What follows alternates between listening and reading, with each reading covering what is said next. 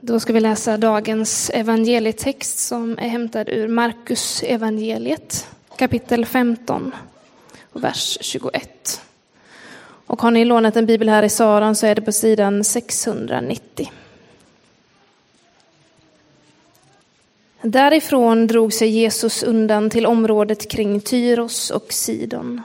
En kananeisk kvinna från dessa trakter mötte honom och ropade Herre, Davids son, förbarma dig över mig. Min dotter plågas svårt av en demon. Han gav henne inget svar. Då gick hans lärjungar fram och bad honom, säg åt henne att ge sig iväg.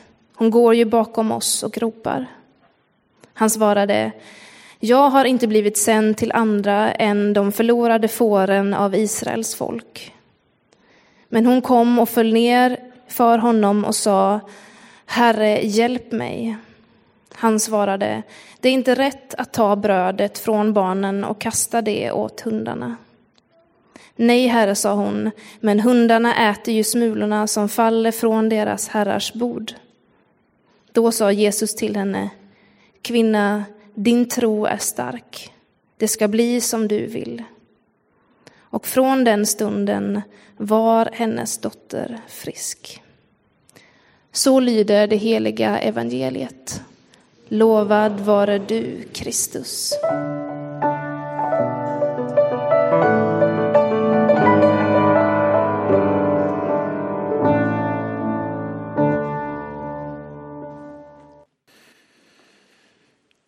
Innan jag predikar så vill jag bara säga eh, mitt stora och varma tack till församlingen. Igår kväll här så var det en avtackningsfest för mig. Eh, eh, hur ska man beskriva det?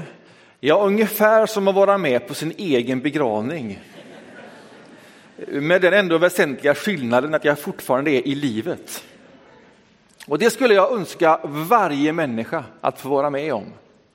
Att få höra allt det goda och vackra om en människa som man ibland sparar till sist. Någon gång mitt i livet. Så bara ta emot min tacksamhet för det och den generositeten och kärleken som jag fick ta emot igår. Enastående. Så till predikan, den kämpande tron. För lite sedan så eh, tillsatte Storbritanniens premiärminister en ny minister, en ensamhetsminister. Det där fick mycket utrymme i press och man skrev om det över hela världen, en ensamhetsminister. Och kort därefter så kom det nya besked ifrån Tyskland där de också sa att vi är i samma tankar. Vi behöver nu också ha en ensamhetsminister. Och så skrev man och funderade, varför behöver man en ensamhetsminister och vad ska en ensamhetsminister göra egentligen? Ja, uppdraget är alldeles tydligt. Han skulle eh, bekämpa ensamhet. Och det måste man ju ge Theresa May cred för. Att hon som regeringschef ser det och gör det till en nationell angelägenhet. Och att det får ringar på vattnet, ensamhet. Det kan vi inte längre bara låta någon annan ta hand om. Det är allas vår gemensamma angelägenhet och vårt ansvar.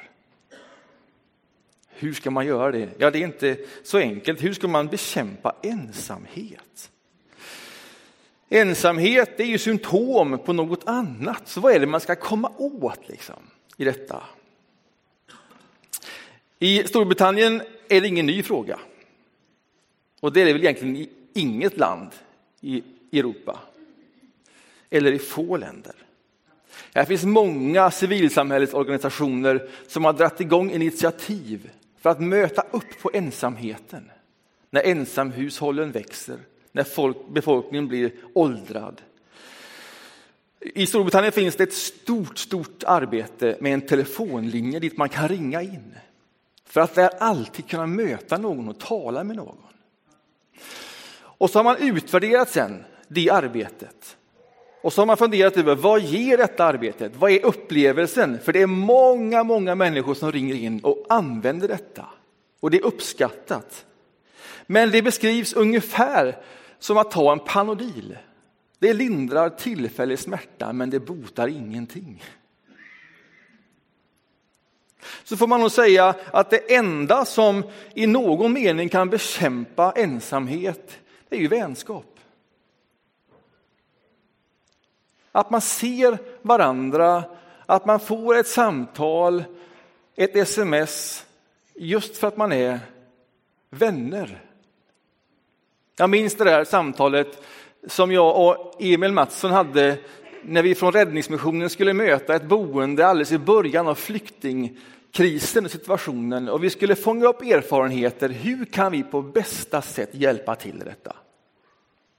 Och så får vi en berättelse där av de människor som då i det här sammanhanget ensamkommande flyktingungdomar hade bott där ett tag och de berättade så fint om hur någon förening kom dit varje vecka, varje onsdag kväll, någon timme eller så, läste läxor och gav av sin tid och sen gick de därifrån. Men sen efter ett tag hade det uppstått ett skav. För ingen hörde av sig emellan onsdagarna så hade de blivit en aktivitet för någon annan. Och det de egentligen behövde, det var en vän. Någon som skickade ett sms emellan, som bara frågade hur är läget? Ja, hur ska man bota ensamhet? Ja, vänskap är nog enda sättet att bota ensamhet. Men sen finns det en annan ensamhet som jag inte tror är botbar. Och som inte heller ska vara det, utan som hör till livet och som hör till trons liv. För man kan ju leva i relation och ändå uppleva sig ensam. Man kan leva i en god relation och ändå uppleva sig ensam. Och det är en ensamhet som hör till livet, som man behöver integrera i livet. Och den hör, tror jag, inte sällan till den kämpande tron. Den kämpande tron är inte antingen eller, den är oftare både och. Det finns en sångstrof i en sång av Jonathan Johansson där han sjunger aldrig, aldrig ensam. Alltid ensam här. Och det fångar in någonting av det som jag vill säga idag. Aldrig, aldrig ensam. Alltid ensam här. Den texten som vi har lyssnat på är en mycket märklig text. På ett sätt besvärande. Den är märklig och den är mänsklig. De drar sig undan, står det i texten, Jesus och lärjungarna. Det är uppenbart så att Jesus är trött och behöver dra sig undan. Man läser motsvarande text i ett annat evangelium, i Markus evangelium, och där lägger evangelisten till, och de ville inte att någon skulle känna till att de drog sig undan. De ville verkligen vara i fred. De behövde det där. Ständigt påpassad, alltid människor omkring sig. Hela tiden behov att uppfylla, förväntningar att leva upp till. Han behövde verkligen dra sig undan. Det är det som är sammanhanget i texten. Och sen drar de dig undan och sen kommer en kvinna i det läget. Och hon går liksom bakom dem vad man kan förstå i texten. Och hon har ett behov. Hon har en dotter. Och hon behöver hans hjälp. Och hon ropar på honom och lärjungarna tycker det här är besvärande och han säger ingenting. Han är tyst. Det är ju på gränsen till oförskämt. Eller hur? Det är ändå Jesus vi talar om. Nej, han behöver dra sig undan och han går vidare och lärjungarna, nej men det här är outhärdligt, gör någonting nu, säg åt henne och var tyst. Det är perspektivet. Och sen säger han någonting till henne som ju bara kan beskrivas som extremt oförskämt. Om jag uttrycker mig milt. Jag menar, hon hörde inte till folket, till dem han var sänd. Hon var liksom utanför. Och så säger han detta, jag har inte blivit sänd till andra än de förlorade fåren av Israels folk. Det är inte rätt att ta brödet från barnen och kasta det åt hundarna. Kom igen. Så säger man inte. Detta var ingen bra dag för Jesus. Men som väl var så ger inte kvinnan upp. Hon bromsas inte av en dålig dag hos Jesus.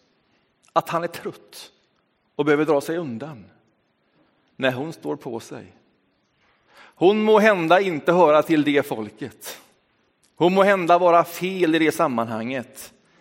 Men hon möter upp. Men hundarna äter ju smulorna som faller från herrarnas bord. Och jag älskar det. Att hon inte viker ner sig. Hon gör någonting med det. Hon möter upp. Hon kämpar sin kamp. Och hon gör det med all värdighet.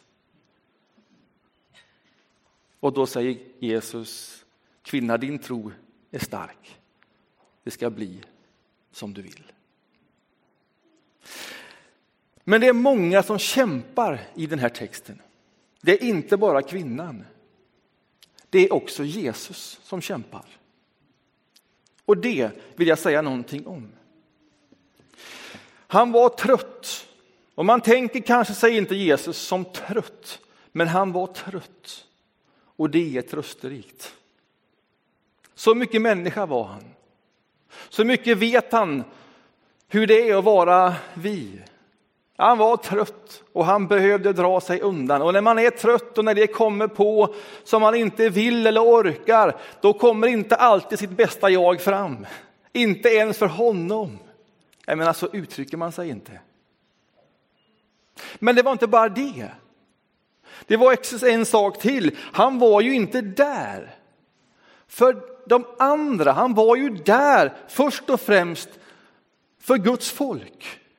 Och sen skulle det gå vidare, men just nu och just här så var det för den här gruppen människor. De skulle först ta del av detta och sen skulle det gå vidare. Det var ju så han såg på sitt eget uppdrag. Det var ju det som var hans kallelse.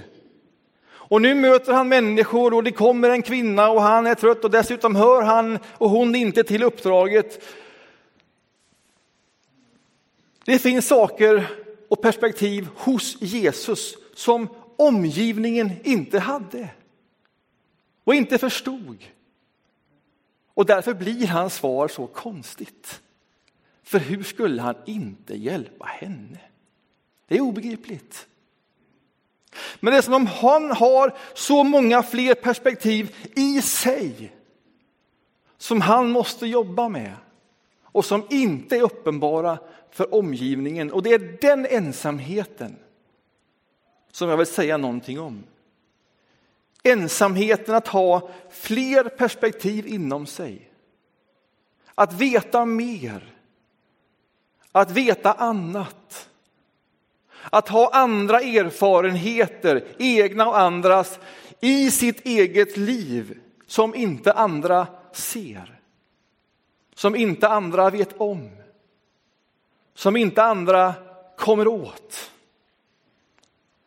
Det hör till ditt liv.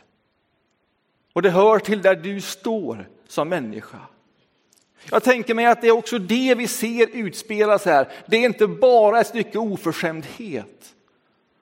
Det är också en sorts ensamhet. Han har andra perspektiv att också ta hänsyn till. Och man kan ju inte annat än att reflektera åtminstone kort över ganska många år som församlingsföreståndare i en församling, också i en predikan som denna. Det där kan jag relatera till. Att ha andra perspektiv i kroppen. Att ha berättelser som kanske bara jag har. Och som påverkar det man gör och det man säger och det man kan säga, det man vill säga, men som omgivningen inte vet. Därför att de är mina perspektiv. Man säger ibland att det är ensamt på toppen. Har ni hört det uttrycket? Jag tror inte det har så himla mycket med toppen att göra. Utan jag tror att det just har med detta att göra, att där, om man står ytterst i ett ledarskap, så har du många olika perspektiv inom dig som inte andra vet. Och som du måste ta hänsyn till. Du balanserar olika övertygelser, dina egna, andras övertygelser, andras erfarenheter, egna erfarenheter. Allt det som du känner ett ansvar för. Det har du i din egen kropp.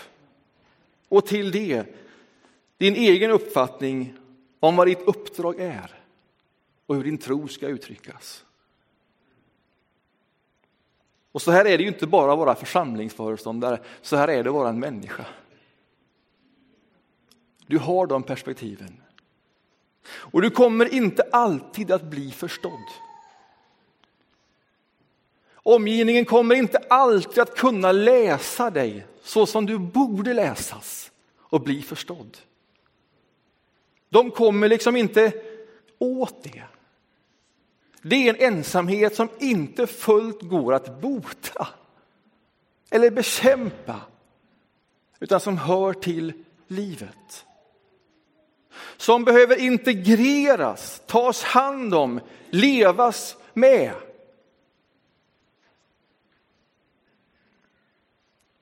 Aldrig ensam. Alltid ensam. Jag menar, så var det för Jesus när han kämpade sin sista kamp. Och han gick lite längre in i kampen i ett semane alldeles där innan han skulle bli fångatagen. Och han faller ner i bön och han vill inte vara ensam. Han vill ta med sig de nära.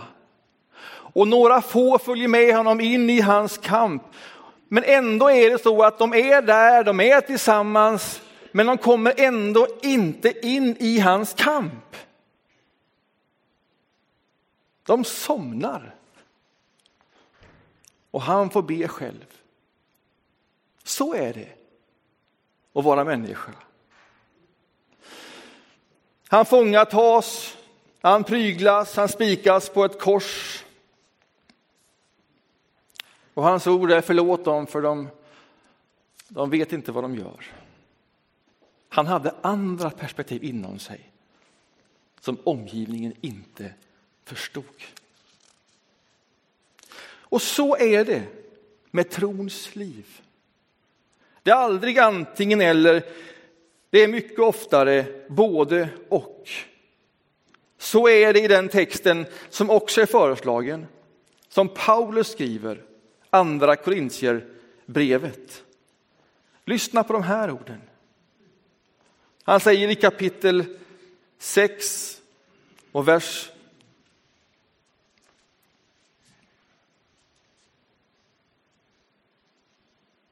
Ja, vi kan läsa från vers 8, 9. Jag kallas villolärare, men säger sanningen. Jag är misskänd, men ändå erkänd. Jag är nära döden, men ändå lever jag. Jag är tuktad, men inte till döds. Plågad, men alltid glad. Jag är fattig, men gör många rika.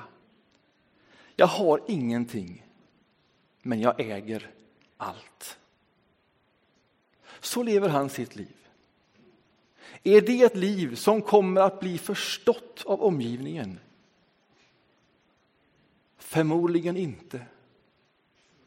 Hur kan han orka leva ett sånt liv? Jo, han har perspektiv inom sig. som leder honom på den väg och i den uppgift som är hans.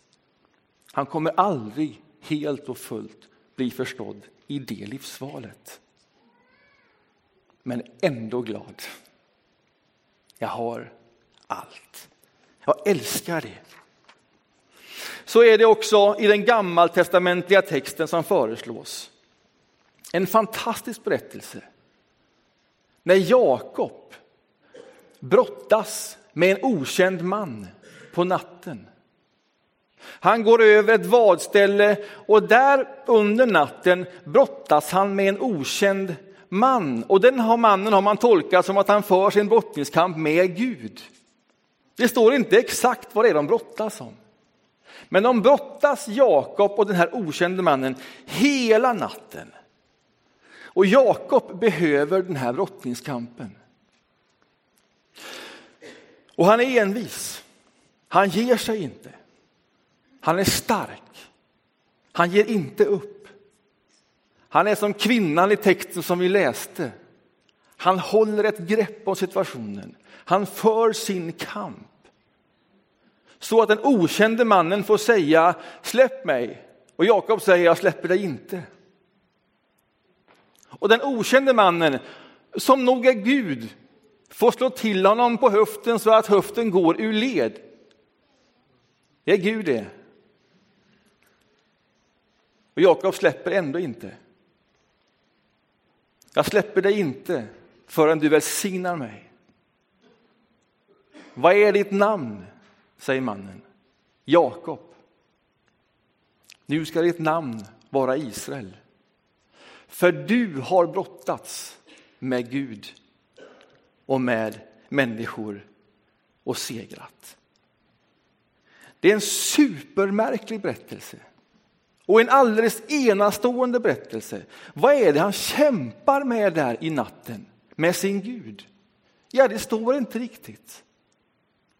Men ska man ana om vad det är han kämpar med så är det väl förmodligen det livet som har blivit hans liv.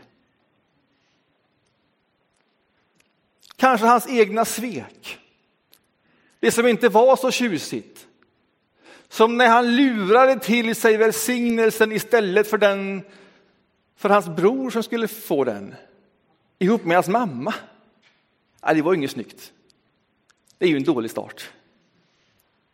Och sen var han livrädd alldeles före detta för att hans brorsa då Esau skulle möta honom med full kraft och krig. Ja, det tror jag det. Allt detta brottas han med. Och han måste brottas med allt det som har blivit sina egna svek och tillkortakommande.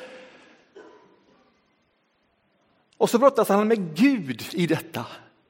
Och det förs ihop liksom. Du har brottats med människor och med Gud och du har segrat. Och sen står det så här, lyssna här. De två sista meningarna i den berättelsen, den fångar upp att trons liv inte är antingen eller utan både och. Lyssna. När han, Jakob, lämnade Penuel såg han solen gå upp. Och han haltade på grund av sin skadade höft. Är inte det extremt vackert? Han går ur denna kamp och han ser hur solen går upp. Och han haltade på grund av sin skadade höft. Vet ni, så här tror jag livet är och kommer att vara. Vi har alla en skadad höft på något sätt. Vi haltar oss fram i livet. Vi har de perspektiv inom oss som inte gör att vi blir förstådda omkring oss så som vi önskade och vore värda att bli förstådda. Vi haltar omkring. Vi lever i den sortens ensamhet. Vi har det i våra liv som ingen annan kommer åt. Mer än Gud. Men det är inte allt att säga om ett liv.